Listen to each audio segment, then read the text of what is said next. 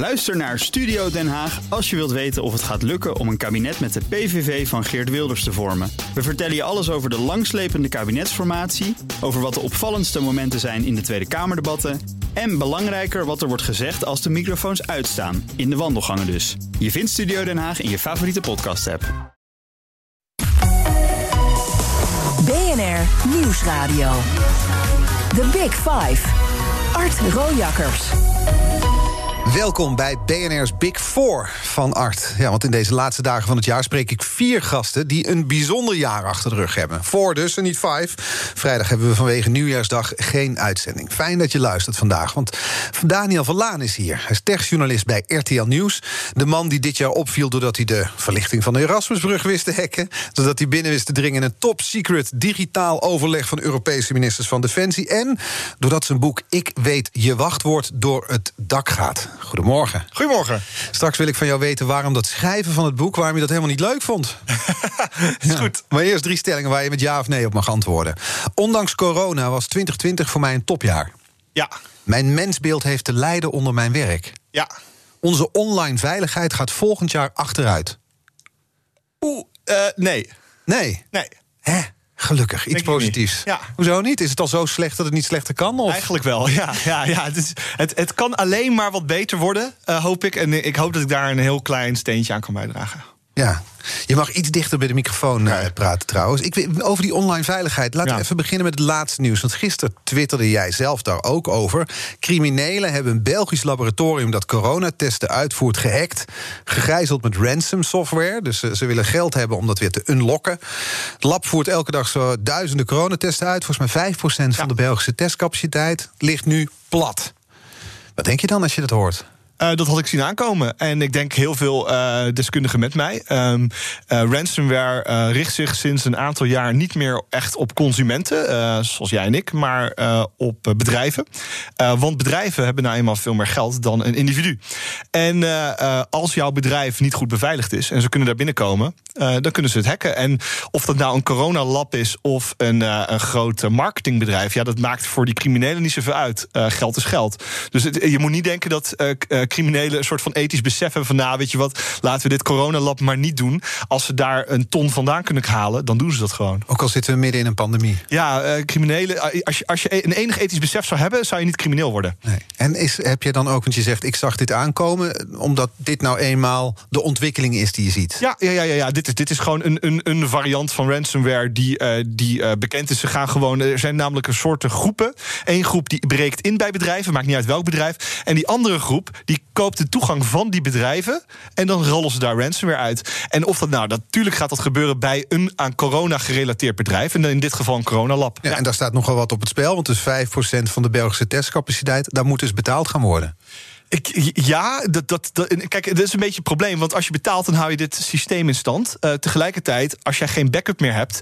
eh, dan moet je de ballen hebben en ook de tijd en het geld... om opnieuw te starten, zoals ze bij het Hof van Twente ook inmiddels gaan doen. Mhm. Eh, dat kost volgens mij daar een half jaar... om weer alles up and running te Die krijgen. waren ook gehackt inderdaad. Er werd ook gevraagd, volgens mij in bitcoins wordt al meestal Ja, gevraagd. ja, betaal bitcoin. ons en dan krijg je weer toegang tot je eigen bestanden. En zij zeggen, we doen dat niet. Ja, super. Ja, ik, ik, ik vind dat erg te prijzen. Alleen het, het kost hen wel een half jaar minimaal om alles weer op orde te krijgen. Nou, dat zou je voor dit coronalab eh, niet zo snel geven. Dus ik ben heel benieuwd wat zij gaan doen. Ja. Ja, en in die hele coronapandemie wordt sowieso met miljarden gesmeten. Dus dan kan er ergens nog wat ransomware ook wel vanaf, zou je denken. Ja, alleen dat gaat de belastingbetaler in België dan uiteindelijk betalen. Dus dan betaal je eigenlijk aan criminele onderdelen. En dat, ja, dat, dat lijkt mij niet prettig als burger zijnde. Nee. Het kan er ook nog wel bij in dit jaar. Het, het 2020 is natuurlijk een klote jaar. Geldt het ook voor onze online veiligheid? Ehm, eh, nou, eh, ja, eigenlijk wel. Eh, ik zat te denken van, want online criminaliteit is ontzettend toegenomen dit jaar. Vooral WhatsApp-fraude, waar echt veel mensen slachtoffer zijn. Onderschat het niet. Echt waar? Ja. Het ziet er altijd zo knullig uit. Dan krijg je zo'n appje, pap. Ik heb een nieuwe telefoon. Dit is mijn nummer. Kun je me even geld overmaken? Ja, er zijn er zijn- mensen die erin trappen. Ja, er zijn heel veel goede mensen op de wereld. Ehm, en die mensen, ehm, dat zijn vaak ouderen... die niet al te veel technische kennis hebben. Ehm, die zien hun kinderen ook niet door corona. En die kinderen die vragen dan opeens om geld. Eh, het, het, ja, het verkeer en het, eh, de communicatie gaat al via WhatsApp. Dus dat is heel geloofwaardig. En onderschat deze criminelen niet. Wat ze bijvoorbeeld doen is... om de ouder, in dit geval het doelwit, te overtuigen... dat zij het kind zijn. Dan bellen ze het kind op... met WhatsApp. En dan zeggen ze hallo, hallo. En dan, en dan zeggen ze hallo, hallo, hallo. Ik hoor niks. Dan nemen ze op dat stem van het kind. En dat spelen ze vervolgens af aan de ouder. Die dus via WhatsApp een berichtje krijgt van zijn eigen kind, het eigen stemgeluid ook. Precies. Van, en dan uh, bijvoorbeeld ze bellen op naar die ouder en, en dan zeggen hallo, hallo. En dan spelen ze dat geluid af van dat kind. En ze denken gewoon dat er iets mis is met de verbinding. En dat er snel even wat geld over moet worden gemaakt. En er zijn echt veel ouders die dat doen voor hun kind zonder twee keer even na te denken. Ja. Ja, zo kan ik me wel voorstellen. Want je, je denkt gewoon, er is iets aan de hand met mijn kind. Zo Zeker. en vooral ook omdat ze die kinderen ook niet meer zoveel zien. En ouders hebben ook nog eens geld. Um, dus die hebben soms wel eens een spaarpotje. Uh, daarom eh, richten ze zich vooral op ja, 50, 60-plussers. En niet bijvoorbeeld op uh, ja, jonge journalisten van 30. Nee. Want die hebben niet zoveel te besteden. Nee, nee. en dus neemt dat toe, dat, dat, dat WhatsApp-fraude. En daarom zeg je, ja, het was eigenlijk ook een klote jaar als het gaat om onze online veiligheid. Ja, er zijn, al die dreigingen zijn digitaal geworden. Want uh, zeg maar de klassieke uh, uh, ja, criminaliteit, zoals fietsendiefstal, inbraken. Ja, dat is ontzettend omlaag gegaan. Want we zijn allemaal thuis, we stappen niet meer zoveel op de fiets. We kunnen niet naar de kroeg waar je, je telefoon kan worden gejat. Dus je ziet gewoon dat die criminelen allemaal online zijn gaan. We hebben allemaal phishing, hè, phishing aanvallen. Dat er opeens een PostNL pakketje op je zou afkomen. Ja, iedereen bestelt online, dus op zich heel logisch.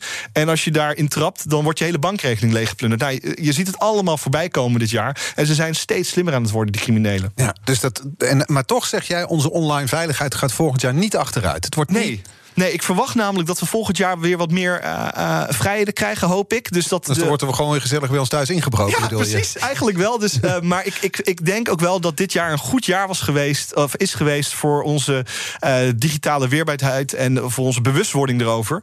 Omdat we ja, te maken kregen dit jaar met veel meer online criminaliteit. En hoe je daartegen kan beschermen ook. Dus ik hoop dat dat volgend jaar um, nou ja, effect gaat hebben. The Big Five.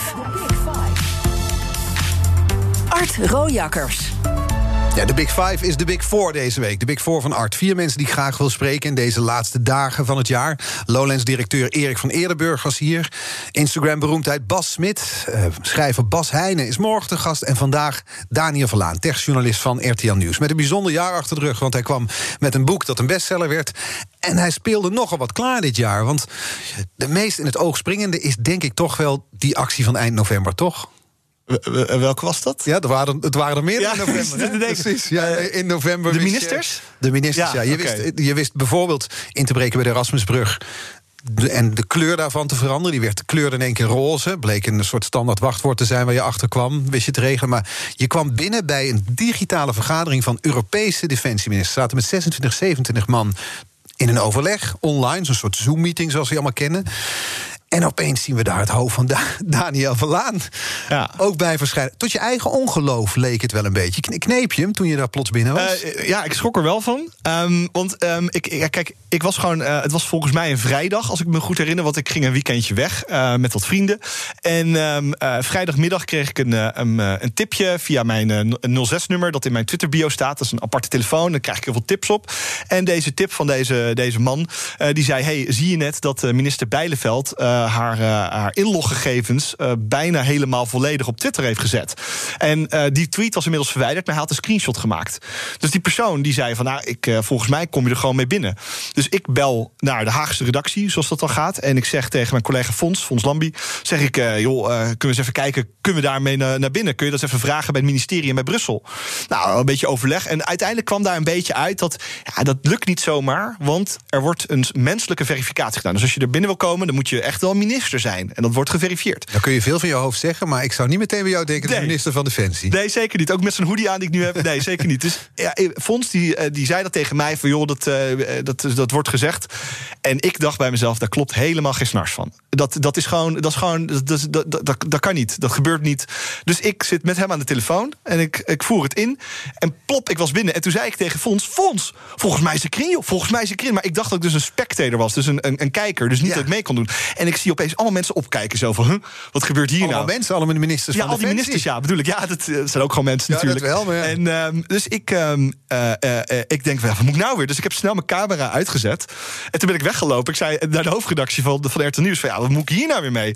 Maar die waren er niet, want die waren de overleg. Ik denk, ja, ik moet niet, ook niet te lang wachten. Dus ik ben maar gewoon teruggegaan. En dat is het moment van uh, het filmpje wat, je, wat, wat heel erg werd verspreid. Ja. Dat ik opeens dat binnenkom en zo, hallo. Uh, ja. ja. ik moet me maar bekendmaken als journalist. Want als ik opeens uitga, ja, dan komt het een beetje over als een beetje een, een enge, enge uh, criminele actie of Hello, zo. My name is Daniel. Ja, dus toen dacht ik, nou, weet je wat, ik stel me gewoon netjes voor een journalist. En, um, en ik zag al minister Bijleveld, zag ik al toen ik zei van, Fons, Fons, zit ik volgens mij een in. Die zag al kijken, oh nee.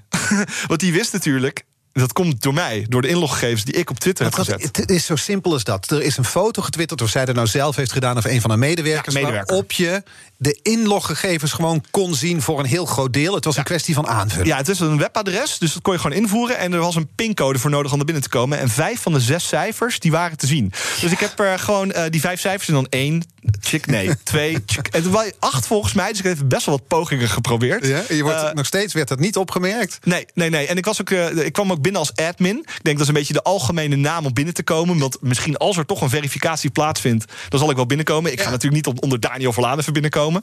Um, maar uh, het, uh, het was, ik zat er echt meteen in. Ja, het is natuurlijk spannend. Het is, het is spannende journalistiek die je dan bedrijft. In één keer zit je in zo'n geheim overleg. Uh, dat, dat, er was ook even de angst dat er misschien wel aangifte tegen je ja. gedaan zou worden. Je hebt de minister uiteindelijk ook gesproken, volgens ja. mij. Ja, ik ben op bezoek geweest bij de minister. op tenminste op, op haar verzoek. Um, en, en die zei toen, die bevestigde toen tegen mij dat er geen aangifte tegen me werd gedaan. waarvan eerst wel een soort van sprake was.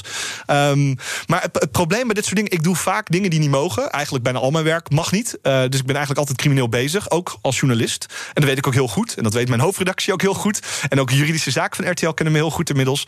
Maar weet je, die qua jongensstreken die ik soms doe, die zijn ervoor nodig om aan te kunnen tonen dat iets daadwerkelijk niet veilig is. Dus als, um, als ik die, die foto van minister Bijleveld, ik had gemeld, minister Bijleveld heeft uh, op Twitter een foto geplaatst met daarin waarmee het mogelijk was, misschien wel om binnen te komen. Ja, dat is niet echt sterk nieuws. Nee. Je moet iets kunnen aantonen dat iets pertinent onveilig is en niet oké okay is. Dus je moet naar binnen, want dan ja. heeft het pas impact. Ja, precies. Het is ook een vorm van belletje trekjournalistiek misschien. Ja, het, het, het, het, is op zich vrij onschuldig, vond ik het zelf, dit. Ik schrok er zelf natuurlijk wel van, omdat ik opeens echt wel... bij allemaal van die, uh, van die, ja, die uh, hoge pieve ministers uh, in de... ik wist allemaal niet wie ze waren, maar volgens mij... weet inmiddels wel wie jij bent. Ja, volgens de Haagse redactie waren het allemaal hele be belangrijke mensen in Europa. um, en um, ja, ik kom naar binnen en... Kijk, het is vrij onschuldig, want ik zeg hallo, doei en, en klaar. En ik, ik maak er een grapje weg. van.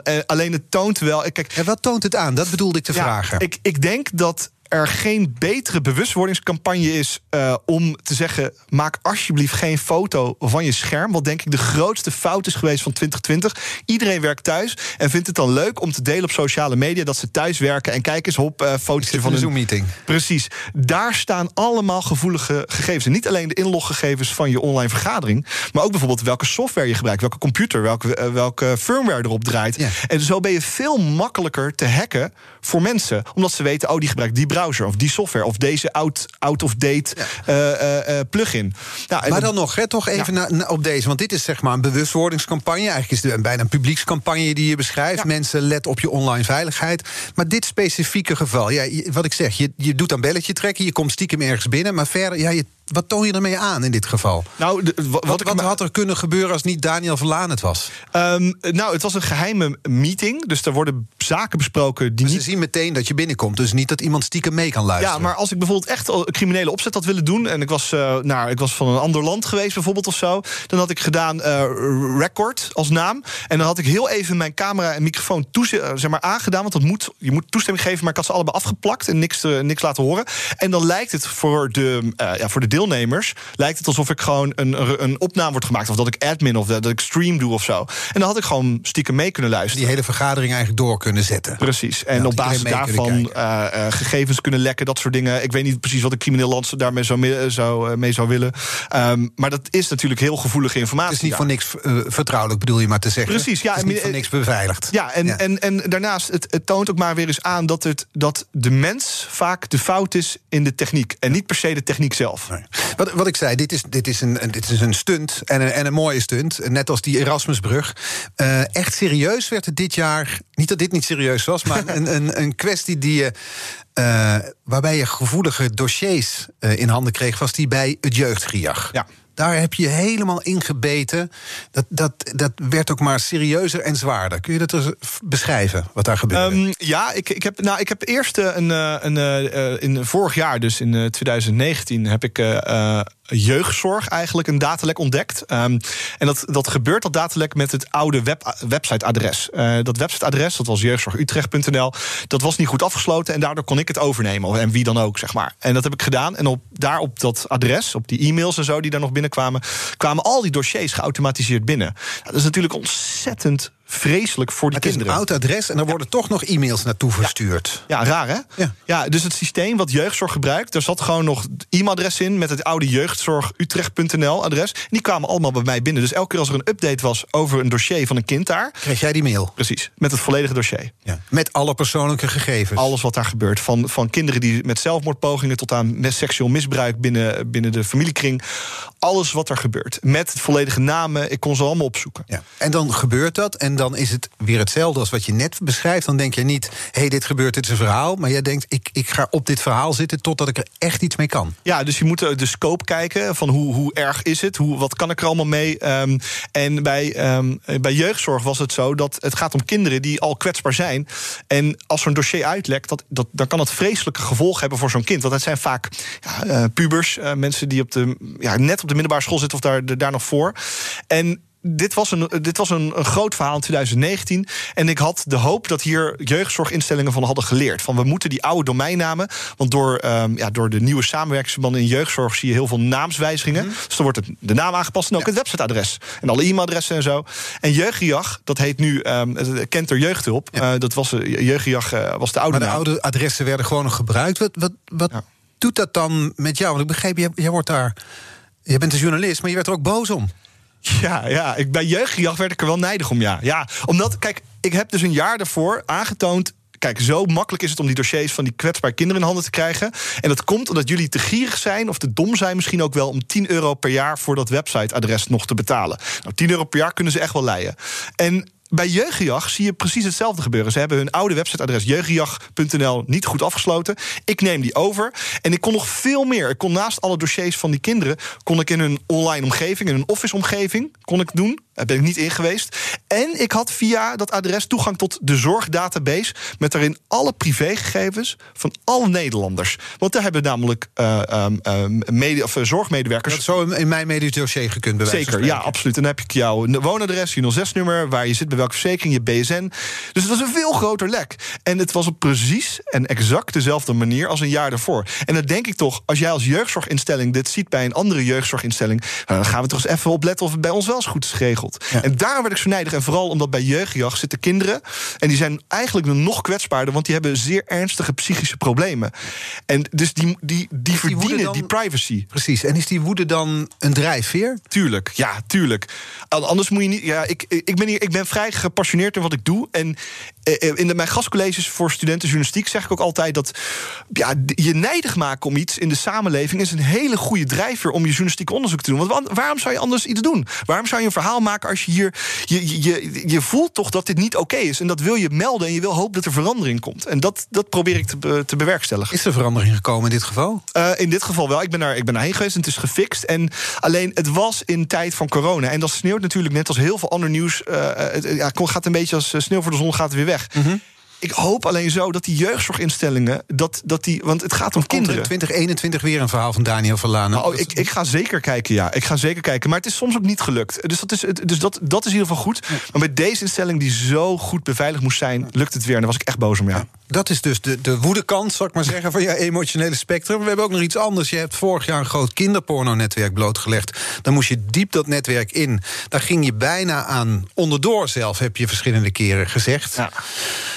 Wat heb je daar eigenlijk van geleerd, vroeg ik me af. Want je gaat er dus, hè, je, wordt, je wordt boos of je gaat er bijna onderdoor. Je zit er met hart en ziel in. Dus wat, wat leer je daarvan over jezelf? Um, wat ik er van mezelf over heb geleerd is dat uh, ik, ik de neiging op een hele uh, nare onderzoek te doen. Um, in een periode dat het zelf privé slecht met me gaat. Dus als het. Als het um, dat is, het is een hele. Um, het is een soort pleister. Het is een soort. Oké, je, je, je zit niet. het gaat niet goed met je in je privéleven. En dan ga je maar naar de ergste dingen onderzoeken. Want dit was zeker niet het enige nare onderzoek wat ik, wat ik toen heb gedaan. ga ik al die nare dingen onderzoeken om maar niet te denken van aan mijn eigen, aan mijn eigen shit, snap je? Dus het- Het is gewoon, het is een beetje vergelijken. Net als eh, waarom hebben wij het hier eh, moeilijk? Want kijk naar kinderen in Afrika. Een beetje dat, eh, een beetje dat soort ehm ja, stommiteiten eigenlijk. Copingmechanismen. Het is een copingmechanisme, absoluut. Dus dat heb ik geleerd. En het, dat, daar ben ik nu ook bezig om dat eruit te krijgen in mijn leven. Ehm, en, het op, en niet per se meer de naaste dingen op te zoeken... puur en alleen als een soort... ja, dat, dat het mijn eigen hoofd verdooft. Ja. Nee. Maar voor onze veiligheid is het dus eigenlijk heel goed als het slecht met jou Ja, gaat. dat zei mijn hoofdre- hoofdredactie ook. Die zeiden, ja, nu het wat beter gaat... Die gaan, ja, jammer eigenlijk, want we hebben niet van die uitstekende onderzoeken de hele tijd. Dat ik knalde er echt veel uit toen. Dat was in 2018, 2019. Heb ik echt heel veel lopen werken. Ik nam, ik nam ook geen vrij. Nee. Als je vrij hebt, dan moet je aan je, aan je eigen shit denken. Dus, eh, maar ik heb dit jaar gewoon lekker vakantie genomen. Ja. Wil je vertellen wat er aan de hand was? Nee. Nee, nee, nee, nee. Daar gaat niemand iets aan. Net als iedereen eh, recht heeft op zijn eigen privacy. Zeker. Bas Smit was hier gisteren te gast. Ja. Een online eh, bekendheid. Heb je hem ooit proberen te hacken eigenlijk? nee, nee, ik probeer niet zomaar mensen te sterken. Nee. Die had een eh, kettingvraag voor jou. Want gasten stellen Ah. elkaar hier eh, vragen. Hij wilde dit graag van jou weten. Momenteel zit ik zelf mega in een scam online. Dus waarbij ze zeggen eh, dat, dat ze mij zijn en dat ik 25.000 euro weggeef. Maar er zijn dus best heel veel mensen die erin trappen. Die Ja. denken, oh wat leuk, ik wil ook dat wat Bas Smit doet. Maar er is zo niks aan te doen. Het blijft maar terugkomen. Dus ik vroeg me eigenlijk af of Daniel als eh, mega eh, Wizkid daar eh, mij even bij kon helpen. of die wist hoe je hier nou tegen kan gaan. Want er zijn echt heel veel mensen dupe. En het tweede ding is, en dat slaat ook een beetje op jouw hart... is namelijk, wij doen allebei heel bewust niet onze kinderen in beeld. Daar wil ik over vragen. Of hij nou zijn eigen kinderen ook in beeld zal laten komen. En he- zitten die vieze mannen nou ook naar die kindjes allemaal te kijken? Heeft het- hij dat voorbij zien komen Ja. allemaal? Ja, nou laten, laten we dat laatste beginnen. Dat Ja. haakt natuurlijk ook aan bij het kinderpornonetwerk waar jij je in Ja. begaf. Eh Bas Smit vraagt dus, ja, die kinderen van mij, ik laat ze online niet zien. Is dat slim? Zijn er inderdaad Ehm, viezerikken online? Nou, slim. eh, het is vooral je eigen keuze. En ehm, ik vind het ergens wel goed dat je eigenlijk een, een persoon of een kind niet in beeld brengt tot ze zelf die keuze kunnen maken. Nee, maar dat is meer ethisch gezien. Ethisch Maar- gezien. Ja, maar is het, is Ja. het gevaarlijk? Dat is volgens mij... Ehm, angst nou, op zich het beeld brengen niet per se. Ik zou wel oppassen met het posten van foto's van naakte kinderen op je eigen tijdlijn. Bijvoorbeeld op het strand. Waar eigenlijk niks mis mee is, overigens. Maar eh, op, op social media worden die foto's inderdaad eh, ja, gehaald en gedeeld in dat soort netwerken. Dat zie ik ook wel. Eh, waar je wel voor moet oppassen, en dat is meer een, een stukje bewustwording, is als je kind op sociale media zit. TikTok is natuurlijk een goed voorbeeld van. Daar zitten veel mannen op die die kinderen proberen ehm, eh, ja, te bereiken en te vragen: hey, wil je eens een keer een filmpje voor mij maken dat je iets uittrekt tijdens het dansen? En die kinderen vinden dat gewoon vaak ook leuk. En ze zitten daar echt op. Want de plekken waar kinderen zitten, TikTok in dit geval, of Instagram ook wel, daar zitten deze mannen ook en die proberen die gesprekken aan te knopen. Dus vooral blijf in contact met je kind over wat ze op die sociale media doen. En vraag ook gewoon van wat krijg je daar voor berichtjes en hoe was je dag daarop op TikTok? Vond je het leuk? Wat heb je daar gedaan? En op die manier kun je dit soort dingen proberen te voorkomen. Want dat die mannen daar zijn, die zijn er. Ja. En op die manier moet je... Ja, ik heb twee dochters, Daniel. Ze zijn gelukkig nog jong. Maar als ik dit dan hoor, dan maak ik me zo'n zorgen. Ja, snap ik. Ja. Ik, eh, ik, heb, ik heb geen kinderen, maar ik zelfs ik maak me zorgen. Ja. Ja. Is het een reden om geen kinderen te willen? Nee, dat niet. Nee, Ja, absoluut niet. Maar Nee. ik, ik, ik, wel, ik ben wel iemand die eh, naast zal vragen van... hey, hoe was je dag op school, bij wijze van Mhm. spreken? Hoe was je buitenspelen? Hoe was het op TikTok vandaag? Hoe was het eh, op je Instagram vandaag? Heb je daar nog hoe was leuke, leuke berichtjes gekregen? En wat voor foto's heb je gezien? Dat soort dingen. Ik zou daar zeker wel een open gesprek met mijn kind over, over voeren, ja. Die, schrijf ik in ieder geval in mijn hoofd op. En die, die andere vraag van Bas, die scams, hè, zijn Ja. hoofdwoord dus gebruikt. Net als van veel bekende Ja. Nederlanders. 25.000 euro wordt er gevraagd. Ja, Jort Kelder Ja. ook. En eh, natuurlijk ook van... Is er eh, iets tegen te doen? John de Mol, ehm jazeker. Eh er is wel wat tegen te doen, maar eigenlijk niet eh, vanuit eh, John de Mol. of vanuit zeg maar de persoon die wordt gepakt. Dat, natuurlijk, je kan een rechtszaak beginnen. Dat heeft John de Mol ook gedaan. Die heeft ook geschikt volgens mij met Facebook inmiddels. Maar eigenlijk zijn de platformen, dus Twitter, Facebook, Instagram... die moeten eigenlijk dit aanpakken. En die zijn hier ehm, ja, eigenlijk de schuldig in, vind ik zelf. Ehm, maar ik moet ook wel zeggen, het is heel lastig om dit aan te pakken. Want ja, ze doen je gewoon voor als je... Ze maken een nep-website die op een eigen server staat. Dus die kan Facebook niet online, eh, offline halen. Ehm, dus eigenlijk zou alles met wat met ehm, ja, rare van... oh, je moet dit zien of eh, je, wil je veel geld verdienen... dat soort advertenties moeten eigenlijk gelijk ja, worden bekeken door een mens bij Facebook... en eruit worden gehaald. Ja.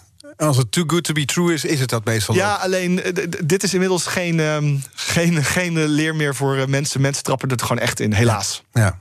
Vandaag de gast, een BNR's Big Five, Big Four, moet ik natuurlijk zeggen, is techjournalist Daniel Verlaan. 2020 was voor hem het jaar waarin zijn boek uitkwam en meteen een bestseller werd. Maar het schrijven van het boek was nogal een leidensweg. We bespreken zo meteen waarom dat zo was. BNR Nieuwsradio. The Big Five. Art Rojakkers. Welkom bij het tweede halfuur van BNR's Big Five. Nou ja, Big Four deze week. Vier mensen die ik graag in de laatste dagen van het jaar wil spreken. Fijn dat je luistert. Vandaag Daniel Verlaan, techjournalist bij RTL Nieuws. Hij viel dit jaar op door in te breken in een digitale vergadering van Europese ministers. Door de lichten van de Erasmusbrug te veranderen. En hij schreef een boek. Ik weet je wachtwoord, heet het. Weet je mijn wachtwoord eigenlijk? nu niet, maar ik denk ook dat ik er goed kan opsnorren. Ja? Ja. ik val nu stil. Ja, nee, denk ik wel. Ja. Misschien gebruik je nog wel ergens. Misschien is het wat ouder. Misschien juist wel wat nieuwer. Maar uh, van, uh, van veel mensen zijn hun wachtwoorden wel gelekt. Eigenlijk van bijna iedereen wel. En dan is het de vraag: uh, hoe oud is dat wachtwoord en hoe sterk is het wachtwoord? Want hoe sterker, hoe lastiger ik hem kan kraken. Ja. Dat van Eva Jinek had je zo als hamster 13 volgens ja, die was mij. Ook, dat duurde een minuutje ongeveer. Ja. Dus uh, nee, dat, uh, dat, uh, dat, dat is niet zo moeilijk. Nee. En, die, en zij gebruikte nog volop. Dus ik ben voor de show ben ik, ben ik naar haar toe gegaan. Ik, ik, wilde eigenlijk haar wachtwoord zeggen op tv. En dat, ja, dat is natuurlijk niet handig als ze het over nog gebruikt. Nee. Dus ik heb voor haar even een, een security lesje gegeven Ja. op haar laptop. Daniel is mijn held 13 is nu waarschijnlijk. Ongeveer. Ja, ja, ja. Jij zegt zelf over de inhoud van je boek dat het gaat over hackers, malware en het dark web. En wat je moet doen als je webcam suck my dick tegen je zegt. Ja. Wat moet je dan eigenlijk doen? De stekker eruit trekken. Zoals die vrouw ook heeft gedaan. Ja. Um, ja, dit, is een, dit was een voorbeeld uit jouw boek inderdaad, hè? Ja, het is een vrouw uh, uit het oosten van het land hier, uh, Rilana. En haar verhaal is typerend voor de onveilige Internet of Things apparaten die je nu allemaal hebt. Hè. Van die webcams die overal op het internet aansluiten. En ja, slimme babyphones, weet ik wat allemaal. En die, die, die camera's had hij gekocht om haar pup in de gaten te houden. En ze was aan de boodschap aan het uitladen. En zij merkte opeens dat die camera haar in huis volgde. Dus ze dacht, huh? Hij, hij, ze hoorde ook iets dat die camera beweegt. En toen ging ze aan de andere kant van de kamer lopen. En toen ging die camera gewoon zo haar volgen. En zij bestuurde dat ding niet. Zij schrok zich dood. En toen zei ze: Hallo, hallo. En die camera zegt toch: bon, Bonjour, madame. En, uh, en op een gegeven moment zegt die camera tegen haar: Zak my dik. En ze schrok zo erg. Ze heeft daar zelfs een video van opgenomen. En ze heeft die stekker eruit getrokken. En in dat boek laat ik zien wie zit er daar nou achter? Hoe kan dat? Dit soort dingen. En het is een sprekend goed voorbeeld van al die onveilige, slimme apparaten die we maar in ons huis halen de Ja, laatste jaren. Waar we ons mee omringen. Ja, Ja, doodeng. Zeker. Ik heb ook zelf geen, vrijwel geen slimme apparaten. Ik wilde het namelijk vragen inderdaad. Wat heb jij thuis in huis? Nee, ja, ik heb een slimme tv, eh, zoals iedereen, maar dat, die heb ik gekocht. Ik heb heel erg mijn best moeten doen om een domme tv te kopen. Maar die zijn heel duur en niet meer zo goed. Eh, Ja. Dus ik heb een slimme tv, maar die heb ik dan niet op het wifi aangesloten. Eh, en ik heb een Apple TV gekocht. Dat is namelijk wel een goed beveiligd apparaat. Maar Zo'n slimme tv is aangesloten anders op de wifi. Wat kan er dan gebeuren? Kan dat is een... de, tv tegen je, zak mij dik. Of, het kan. nee, het, het is weer een manier voor hackers om in te breken in jouw netwerk. Want hoe meer slimme apparaten aan het internet zijn gekoppeld, hoe makkelijker ze in jouw netwerk kunnen komen. Daarnaast, slimme tv's zijn niet bepaald de meest veilige apparaten ooit. Ik denk dat het voor heel veel mensen prima is om zo'n slimme tv te hebben hoor. Maar voor, voor mij, eh, ik, ik ben eh, een doelwit van hackers, ehm, moet ik dat niet doen. je bent een doelwit voor hackers? Ja. Hoezo? Nou, eh, ik, ik ben eh, de, de, de, de jongen eh, die in Nederland heel tijd roept... hey, veilig zijn, dit en dat, dat. Als ze mij hacken, dat is natuurlijk hartstikke lollig voor ze. Je bent de ultieme trofee. Ja, tuurlijk. Ik heb een, een, een handleiding geschreven, een gratis handleiding. Die heet Laat je niet hack maken. Die kun je gewoon gratis lezen. Met allemaal security tips. Ja, als ze de guy van de, van de handleiding hacken... dan hebben ze natuurlijk helemaal... Oeh, kijk mij eens. Dus, Maar ehm, lig je dus voortdurend online onder vuur? Zijn mensen Ja. continu bezig om te kijken hoe ze bij die verlaan binnen kunnen komen? ja, zeker. Elke week. Waar ja. merk je dat aan? Eh, eh, hackpogingen aan, eh, aan, aan allerlei dingen die opeens. Ik, ik, heb, ik kan er niet te veel over zeggen, want ik, anders, anders laat ik zien hoe ik het allemaal eh, merk. Maar ik heb verschillende sensoren en verschillende manieren waarop ik dat soort inbraken kan detecteren. Ehm, en, en, en er zijn ook heel veel ja, van, die, van, die, van, die, grapjes die proberen binnen te komen, een password resetje. Ehm, maar het, het ding is, ik, ik meld daar eigenlijk nooit iets over, omdat je daar maar alleen maar mensen voedt om het te proberen. Ehm, maar het is, ja, dat hoort er eenmaal bij. En ik, ik, ik, ik maak ook veel verhalen over cybercriminelen. En ik leg hun manieren en hun acties bloot. Ja, Daar zijn ze niet blij mee. Nee, dat leidt er zelfs toe dat mensen in jouw omgeving ook Ja. eh, gehackt worden. Of Ja. in ieder geval een poging wordt gedaan om gehackt te worden. Zeker, ja. Zelfs jouw moeder. Ja. Ja, mijn moeder is ook. eh, eh, die was bijna gehackt. Eh, Google heeft haar beschermd. Google heeft een ontzettende goede. Kijk, Google weet heel veel van je. Ja. Maar daardoor weet ze ook precies welke Ze apparaten je gebruikt gebruikt. Gmail of zo. Ze gebruikt Gmail. Ja, en en, ze probeert daar in de Gmail te hacken. Ja. En ehm, zij, zij woont in Roosendaal. En, uh, en, en ze Wat is gebruikt... haar wachtwoord? Ik ben nu van allerlei dingen aan het zeggen. Ongeveer zoiets. en. Um, en zij, um, zij, uh, zij weet dus, Google weet, zij logt in vanuit Roosendaal. En op een computer die, die daar staat. Dus als er in één keer uit Boekarest wordt ingelogd, denk je, hé, hey, dat klopt niet. Precies, en zo is ze beschermd. Ja. Dus uh, kijk, dat, ik... Maar het gaat wel ver dat, dat ja. die hackers zich zelfs op jouw moeder richten. Dat betekent dat je iets met dat boek uh, teweeg hebt gebracht. Ja, ja, ja dit zijn uh, ik, ik, de verhalen die in dat boek staan. En de, dat zijn, ik, Want het ik gaat maak... van wraakporno tot ja. cybercriminaliteit tot noem maar op. Malware, phishing, DDoS-aanvallen. Uh, alles wat zeg maar um, misdaad is op het internet. Daar heb, ik er, daar heb ik over me geschreven een boek. Het zijn Mhm. ook tien hoofdstukken. -hmm. Met elk hoofdstuk uh, een onderwerp. En dan gewoon een spannend verhaal met feitelijke informatie. En daarna als eindig je met tips om jezelf te beschermen. Want dat is ook vooral heel belangrijk. Ja. Dat je weet, oké, okay, ik heb nu allemaal ge gelezen over doodenge spyware die mijn telefoon kan afluisteren. Hoe krijg ik dat van mijn telefoon af als het erop zit? En hoe kan ik me in godsnaam beschermen? Ja. Nou, dat lees je erin. Ja, en dat staat allemaal in het boek. Jij bent zelf helemaal geen lezer. Nee. Je bent zelf helemaal geen schrijver. Nee. Was een helle tocht, het boek. uh, ja, ik, uh, uh, ja, eigenlijk. Nou, ja, ja, ja. Ik, ik, ik, wilde zeggen, ik wilde soms wel een beetje nuanceren. Maar als ik met mensen in mijn omgeving mag geloven, was het echt vreselijk voor me. Het was niet te harde die tijd. Dus het was echt. ik nam me dan een week vrij om te schrijven. Want ik, deed, ik schreef het boek naast mijn fulltime baan bij RTL. Mm -hmm. En um, dus ik zat in de avonden en in de weekenden. Dan lukt het niet. En werd ik zo nijdig op mezelf. En dan nam ik een week vrij. En dan zeg ik, nu ga ik er drie hoofdstukken uitknallen. Ja. En hoeveel hoofdstukken kwamen er dan uit? Ja, een half. Een halve. En dan was ik zo nijdig jongen weer op mezelf. En niet te genieten. Yeah. Uh, maar uiteindelijk, en ook mede door die lockdown. Toen, uh, toen had, ik, uh, ja, had ik soms iets meer tijd. Want ben, uh, mijn, ik hoefde niet meer te reizen en zo. Ik heb ook soms eens een uurtje onder RTL-tijd gedaan. Dat, dat weet de hoofdredactie inmiddels ook wel. Mm -hmm. dus toen, dat, dat heeft wel wat gebracht. Maar ik vond het, ik vond het echt moeilijk, een boek schrijven. En ik, ik, ik vond het echt niet zo leuk. Als de, de meeste journalisten altijd zeggen... oh, een boek schrijven, zo, zo fantastisch. Het is een soort statussymbool, hè? Dat je dan een ja, boek daar kwam ik ook achter. Ja, ja. Ik ben niet zo'n boekengek. dus nee. ik, ik, kreeg van mijn uitgever ook het eerste boek... wat ik in een jaar heb gelezen. Laura H. Ja. over het kalifaatmeisje. Dat is nu de eeuw van mijn dochters, mijn boek ging zeggen. Ja. Dat ligt tegen, Daniel. Ja. krijg, krijg ik zo meteen van je. Ja. En nee, het is, het, het is een. Uh, ik, ik vond dat boek zo mooi geschreven, ook en zo goed. Het was een journalistiek boek ook. Maar dat is een hele dikke pil. En journalistiek zo, zo diepgaand en diepgravend. Ik dacht, oh shit, moet ik dit gaan evenaren? Dus dat was ook niet per se handig om dat, uh, om dat te doen. Om dat uh, te lezen voordat ik mijn eigen boek ging schrijven. Nee, want toen maar, dacht je, daar moet ik dan tegen opboksen. Ja, ik vond, ja. dat is echt. Ja, dat was heel lastig. Ja. En toen was het boek er eindelijk. En dan wordt het ook nog eens in hele korte tijd een, een bestseller. Uh, ik, ik, schreef in dezelfde tijd een boek dat, dat minder goed verkoopt dan, dan jouw boek. Maar toch, ik ging dan wel eens bijvoorbeeld in de boekhandel kijken... de stapels die daar lagen en zo. Ja. Deed jij dat ook? Ja, ik, heb, ik, heb, ik woon in Utrecht en daar hebben we net een nieuwe Broese. Een hele mooie boekwinkel in een uh, oud gebouw aan de, aan de gracht. En um, ik ben daarheen gegaan toen hij er voor het eerst lag natuurlijk. En vond, dat was wel een heel speciaal moment. Het was de eerste keer dat ik echt dacht, wow, uh, mensen kunnen het kopen. Ik had natuurlijk eerder al wel gezien het boekje. Ja. Um, maar ik heb ook een keertje een half uur in de Broese gestaan. Ja, die boekhandel daar. Ja, zo te, te, te, lopen loeren naar mensen of ze mijn boek wilden gingen kopen. Ja. Maar ik ben er eigenlijk een soort half... Uh, ja, deprimerend was het best wel, want er waren een paar mensen die toen in dat half uur mijn boek oppakten, hem omdraaiden en toen weer neerlegde. En ik dacht, ah nee, koop hem nou alsjeblieft. Lijkt me zo leuk om te zien. Maar ik heb hem dus niet, niemand heb ik hem eigenlijk zien kopen. Nee, ja. nou, het is in ieder geval wel heel veel verkocht inmiddels. Wat, uh, levert je iets op? Je hoeft geen bedragen te noemen. Wat, wat heb je eraan? Uh, uh, ik, ik kan er een. ik, ik wil heel. Mijn, mijn grote droom is om, om, om ooit een huis te kopen in Utrecht. of een, een, huis, ja, een huisje. Ik bedoel, ik, ik, heb geen ja. grote verwachtingen daarvan. Nou, Utrecht is hartstikke duur. Heel duur, ja. En, en in je eentje kopen is ook erg lastig. als, ja, de, in, in deze tijd. En sowieso kopen is al lastig. Maar dit, dit, ik, ik, kan, ik kan inmiddels waarschijnlijk een, een, een hypotheekje rondkrijgen met, uh, met de verdiensten van dit boek. Nou, uh, dus dat is dat had ik nooit gedacht. Het is je tevoren. gegund. Ja. Het is je gegund. Dank je. Je bent ook door het boek um, in een jaar tijd. Nou, niet alleen door het boek, maar ook door wat je doet bij RTL Nieuws. Maar je bent een autoriteit geworden. Je bent iemand geworden. Je bent niet meer die ene jongen van RTL Nieuws. Nee, je bent nu Daniel Verlaan. De bestsellerauteur.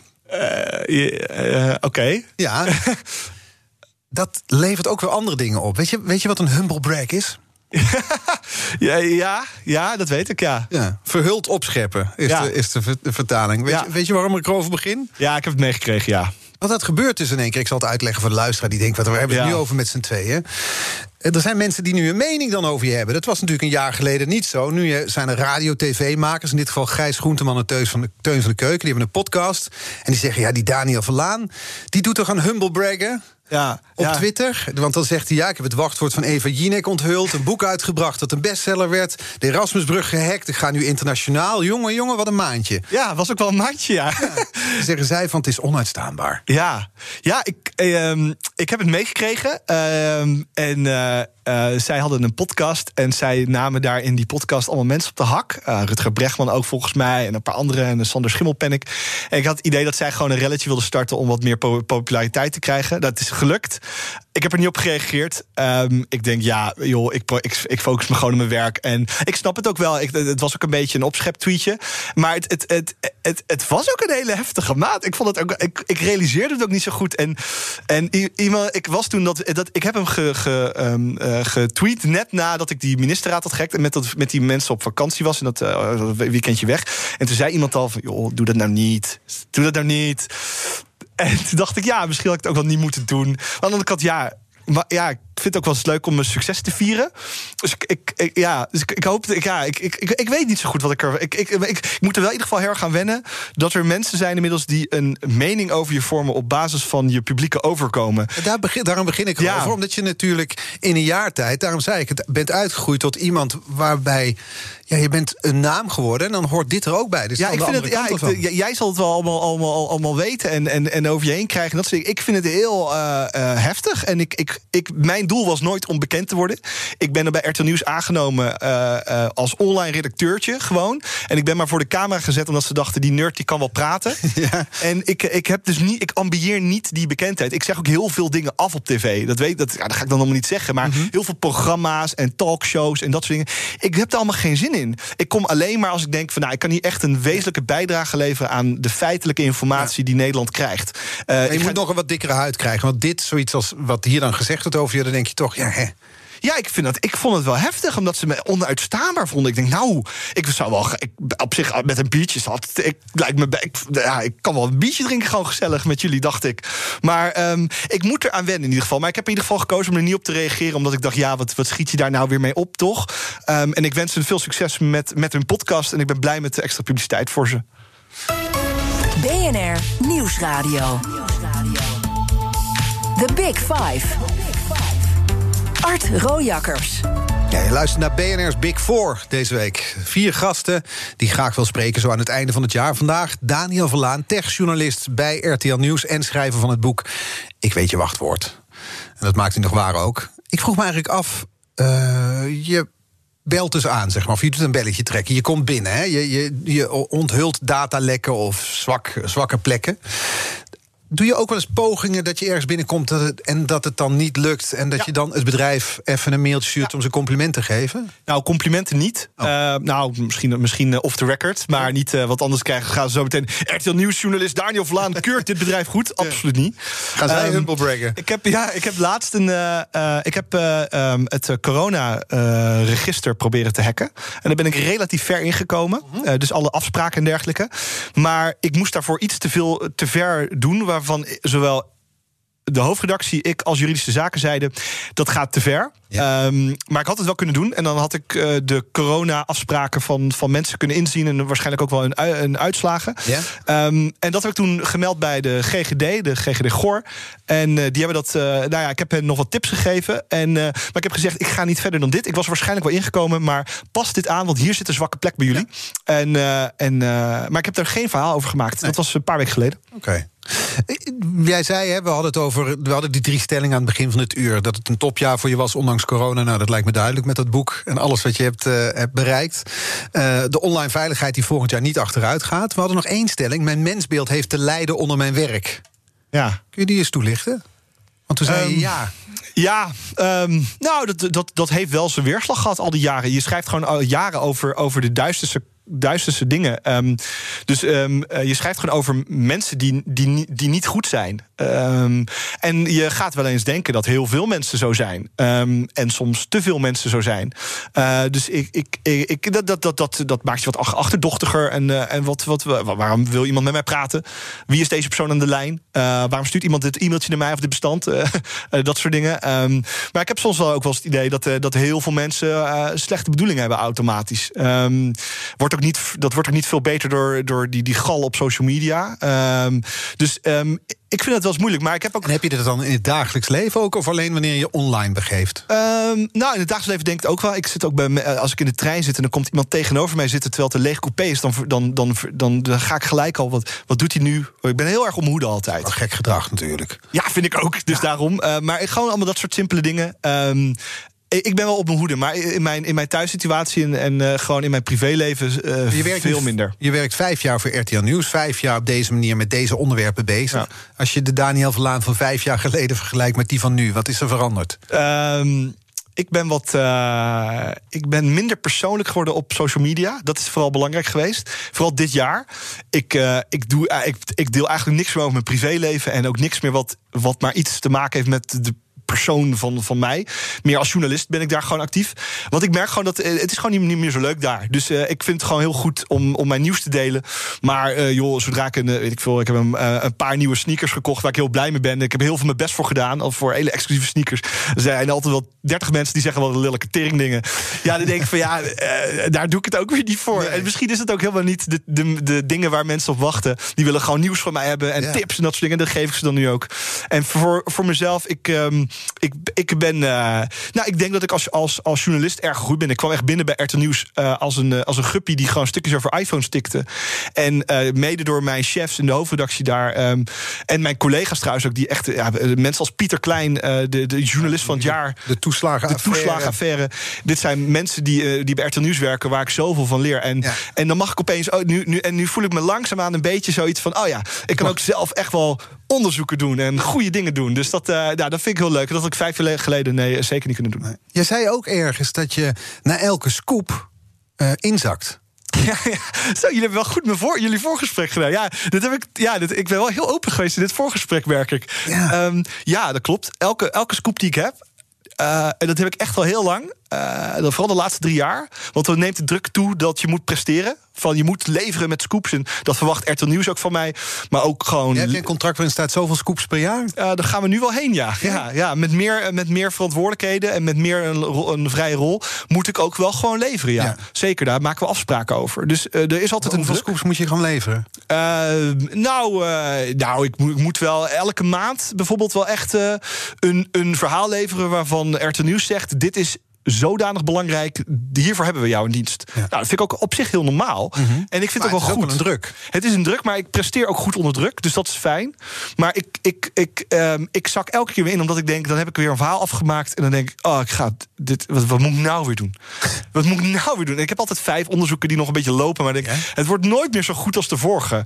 Alleen het probleem is dat denk ik alweer drie jaar. En, het, en dat wordt het, wordt het soms wel en soms ook niet. Nee. Um, maar je bent bang ergens dat het misschien ophoudt. Ja, tuurlijk. Ik, ik, ja, ik doe heel erg mijn best om, om een van de beste te zijn in mijn vak. Um, in, in journalistiek over technologie. En ik doe er echt heel hard mijn best voor. Dat heb ik ook heel lang, heel, heel lang gedaan. En ik, ik, ik denk dat ik nu ergens in die top ben. Met, mm -hmm. met de beste andere journalisten van Nederland. En ik, ik, ik, ja, natuurlijk, ik ben ook wel bang om dat weer kwijt te raken. Ik denk dat elke persoon die goed presteert op zijn eigen vak daar enige vorm van twijfel over heeft. Ik denk, als je dat nou niet zou hebben, dan, dan heb je een soort grootheidswaanzin dat je altijd denkt: oh, ik ben toch de beste. Uh, en dan, dan, dan ben je niet onzeker erover. Dus dat zou ik heel raar vinden, ja. ja. He, die onzekerheid en aanloop he, over je werk, van oh, ik moet presteren, die snap ik. Maar vooral dat je dan nadat de scoop is geweest. Ja, ik zak helemaal in, ja. Echt een Hoe, week. Wat, wat moeten we daarbij voorstellen? Nou, ik denk dat ik gewoon een week of twee weken zit ik. Nu zit ik thuis, maar ik zit normaal op de redactie. En ik zit gewoon een beetje voor me uit te staren. En uh, een beetje met mensen te bellen. Gewoon, ja, gewoon, ik, ik, ik kan echt, ik krijg er niet meer zoveel uit vaak. En dat weten mijn. Dat, en dat is dan omdat je zoveel hebt gegeven? Of waar zit hem dat in? Soms wel. Uh, dan, je hebt soms ook hele lange dagen. En ook avonden die je doorwerkt. En dan talkshow weer. En dan weer een interview daar. En dan dat soort dingen zo.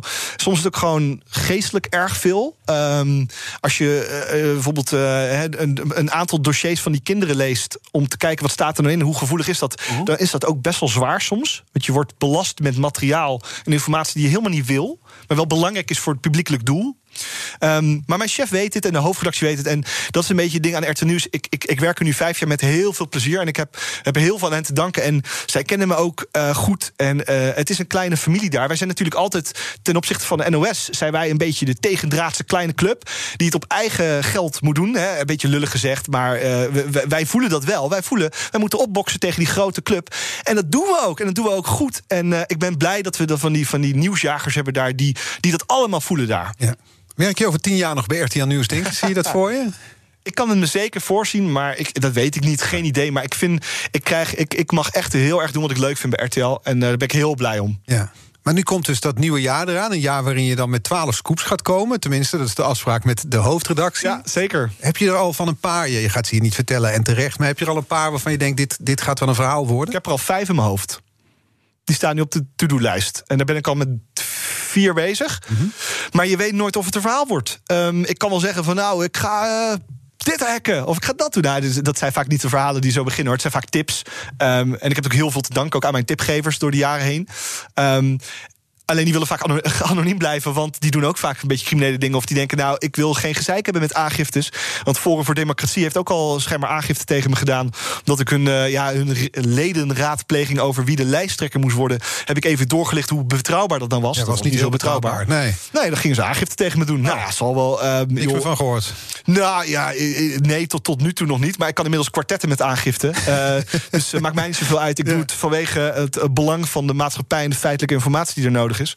Maar ik. ik ehm, nee, ik. ehm, Er staan genoeg verhalen klaar. ja, ik, ik, eh, ik eh, ga hem vol goede moed het volgende jaar in, ja. Ja. Heb je er zin in, in het nieuwe jaar? Ja, ja, eigenlijk wel. Ik denk toch heel veel mensen ook. Maar ik gewoon. eh, ik denk wel weer. Ja, dat klopt er weer. Hoe ga ik dit jaar nou weer overtreffen?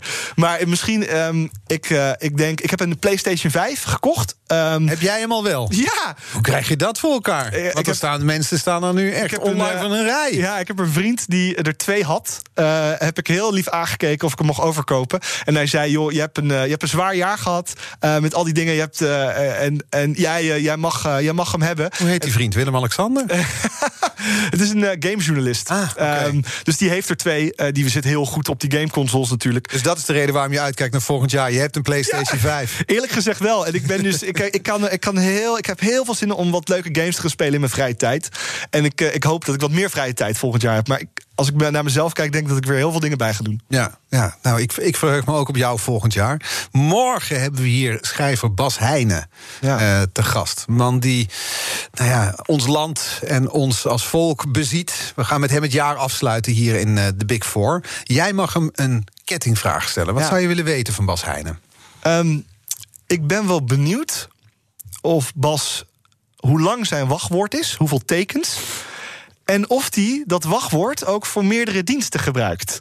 Ah. Ik zou dat wel graag willen weten. En ik denk dat jij dan wel hard kan uitleggen eh, wat daarvan de gevolgen mogelijk kunnen zijn. Ja, ik zal het morgen aan hem uitleggen. Dan hebben we toch maar iemand weer geholpen met zijn online veiligheid. Zeker, ja. En jij kwam hier binnen en toen vroeg ik aan jou... heb je al gekeken of je hier op het netwerk kon komen? Ja. En jouw antwoord was, nee, het ziet er wel goed uit. Je Ja, ook- wel, eerste, eerste, ik heb eerste blik gekeken. Jullie hebben gastnetwerken met een, met een wachtwoord. Dat is in ieder geval goed. En ik heb nog niet heel goed rondgekeken hier. Maar ik ga zo even kijken of ik ergens het wifi-netwerk eh, wachtwoord zie, eh, Ja, nou, ik hoor- begreep van Thomas van Groningen, die hier voor jou op die stoel zat, dat het wifi-netwerk er vandaag uit ligt. Dat Oh. zal geen toeval zijn. Ik denk dat dat de voorzorgsmaatregel wist. ik ontken alles. Ja, nee, nee, ik denk dat ze wisten dat je kwam. Dat ze denken. Maar dat is dus wel jouw tweede natuur. Je komt binnen en eigenlijk check je meteen dan Ja. in wat voor. Niet alleen hoe wordt hier ontvangen, maar ook hoe word ik hier online ontvangen. Ik ben altijd wel even benieuwd, ja. Even kijken. En eh ik, dat houdt je ook een beetje scherp zelf. En, eh, en eh, dat, ik vind dat wel leuk om te doen ook. Een beetje kijken wat voor apparaat ik toegang tot kan krijgen. En soms zie ik wel eens bij bedrijven... zie ik allemaal hele grote mediaservers... met allemaal documenten erop staan. Ik denk, oh, daar kan ik gewoon maar zomaar bij. Ja. Ja, dan weten ze niet als ze mij het wifi-wachtwoord geven. Dus ja, dat vind ik altijd wel leuk. Jouw boek sluit, je zei het zelf af, het zijn tien hoofdstukken. Elk hoofdstuk sluit je af met praktische tips hoe je je online leven veiliger kan maken. We hebben nog één minuut. Ja. Ik wil graag met een paar praktische tips dan afsluiten. Er Ja. zijn nu allemaal mensen door jou, denk ik, die hebben zitten luisteren, zijn geïnspireerd door je geraakt, maar ook van je geschrokken. Ja. Wat zijn nou de, de basistips die jij onze luisteraars mee wil geven? Ehm, eh, het zijn er drie en daarmee kan je echt heel ver, eh, eh, zeg maar, ben je echt al een stuk veiliger. Het is het, het gebruik van unieke en lange wachtwoorden voor verschillende diensten dus. Hè. Ehm, Daarnaast tweestapsverificatie.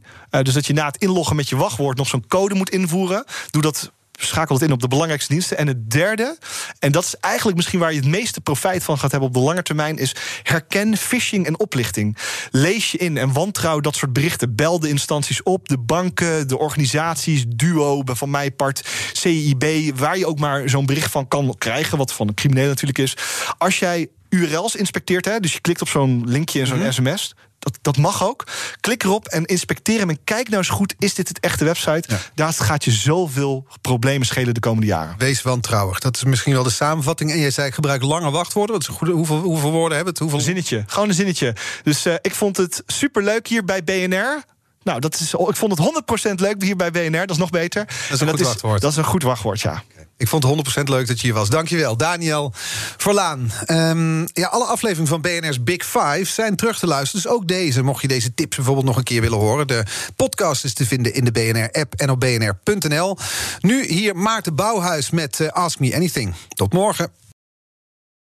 Ook Diana Matroos vind je in de BNR-app. Ja, inderdaad. Je kunt live naar mij luisteren tijdens de Big Five. Ook handig in de BNR-app. Breaking nieuwsmeldingen, maar ook het allerlaatste zakelijke nieuws. En je vindt in de app alle BNR-podcasts, waaronder Wetenschap Vandaag. Download nu de gratis BNR-app en blijf scherp.